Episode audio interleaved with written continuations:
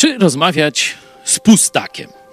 No, tytuł już tego odcinka Nie gadaj z pustakiem troszeczkę zaspoilerował odpowiedź, ale oczywiście chciałbym, żeby sięgnąć do Biblii i tu szukać uzasadnienia dla swoich i poglądów, i czynów.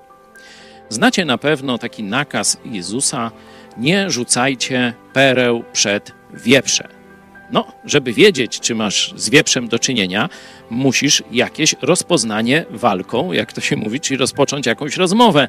Mm, Ale kiedy zobaczysz, że to jest człowiek typu właśnie wieprza, czy bardziej mm, współczesnym językiem mówiąc pustak, no to y, nie ma sensu próbowanie głębszej rozmowy, czyli podawanie mu jakichś duchowych argumentów, cytowanie Biblii i tak dalej. Tak rozumiem ten nakaz Jezusa: nie rzucajcie pereł przed wieprze, ale dam wam przykład pustaka. Otóż w Ewangelii Łukasza, 23 rozdział, teraz mamy e, czas świąteczny, no to różne historie biblijne e, się e, przypomina, no z czasu narodzenia Jezusa, ja z czasu bliżej śmierci, kiedy Jezus odsyłany jest od jednego autorytetu, najpierw religijnego, proces przed arcykapłanami, potem taki z Unii, przepraszam, z Imperium Rzymskiego, autorytet, czyli Piłat, no a teraz lokalny, lokalny król Herod rozmawia z Jezusem. Do niego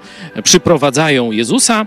Jezus no, coś wie o Herodzie, ale Herod, Herod wie dużo o Jezusie. Jest napisane, słyszał o nim i chciał z nim porozmawiać, chciał się z nim spotkać, żeby cuda dla niego zrobił. Nie? Czyli zobaczcie, kompletny pustak, bo przecież Jezus nie o cudach chciał z ludźmi rozmawiać, tylko o ich grzechu i zbawieniu. I Herod zasypuje Jezusa wieloma pytaniami. A zobaczcie, co zrobił Jezus, 9 werset, 23 rozdział. Nic mu nie odpowiadał. Zobaczcie, wiele pytań, wiele słów ze strony pustaka, którego widać, że motywacje są złe.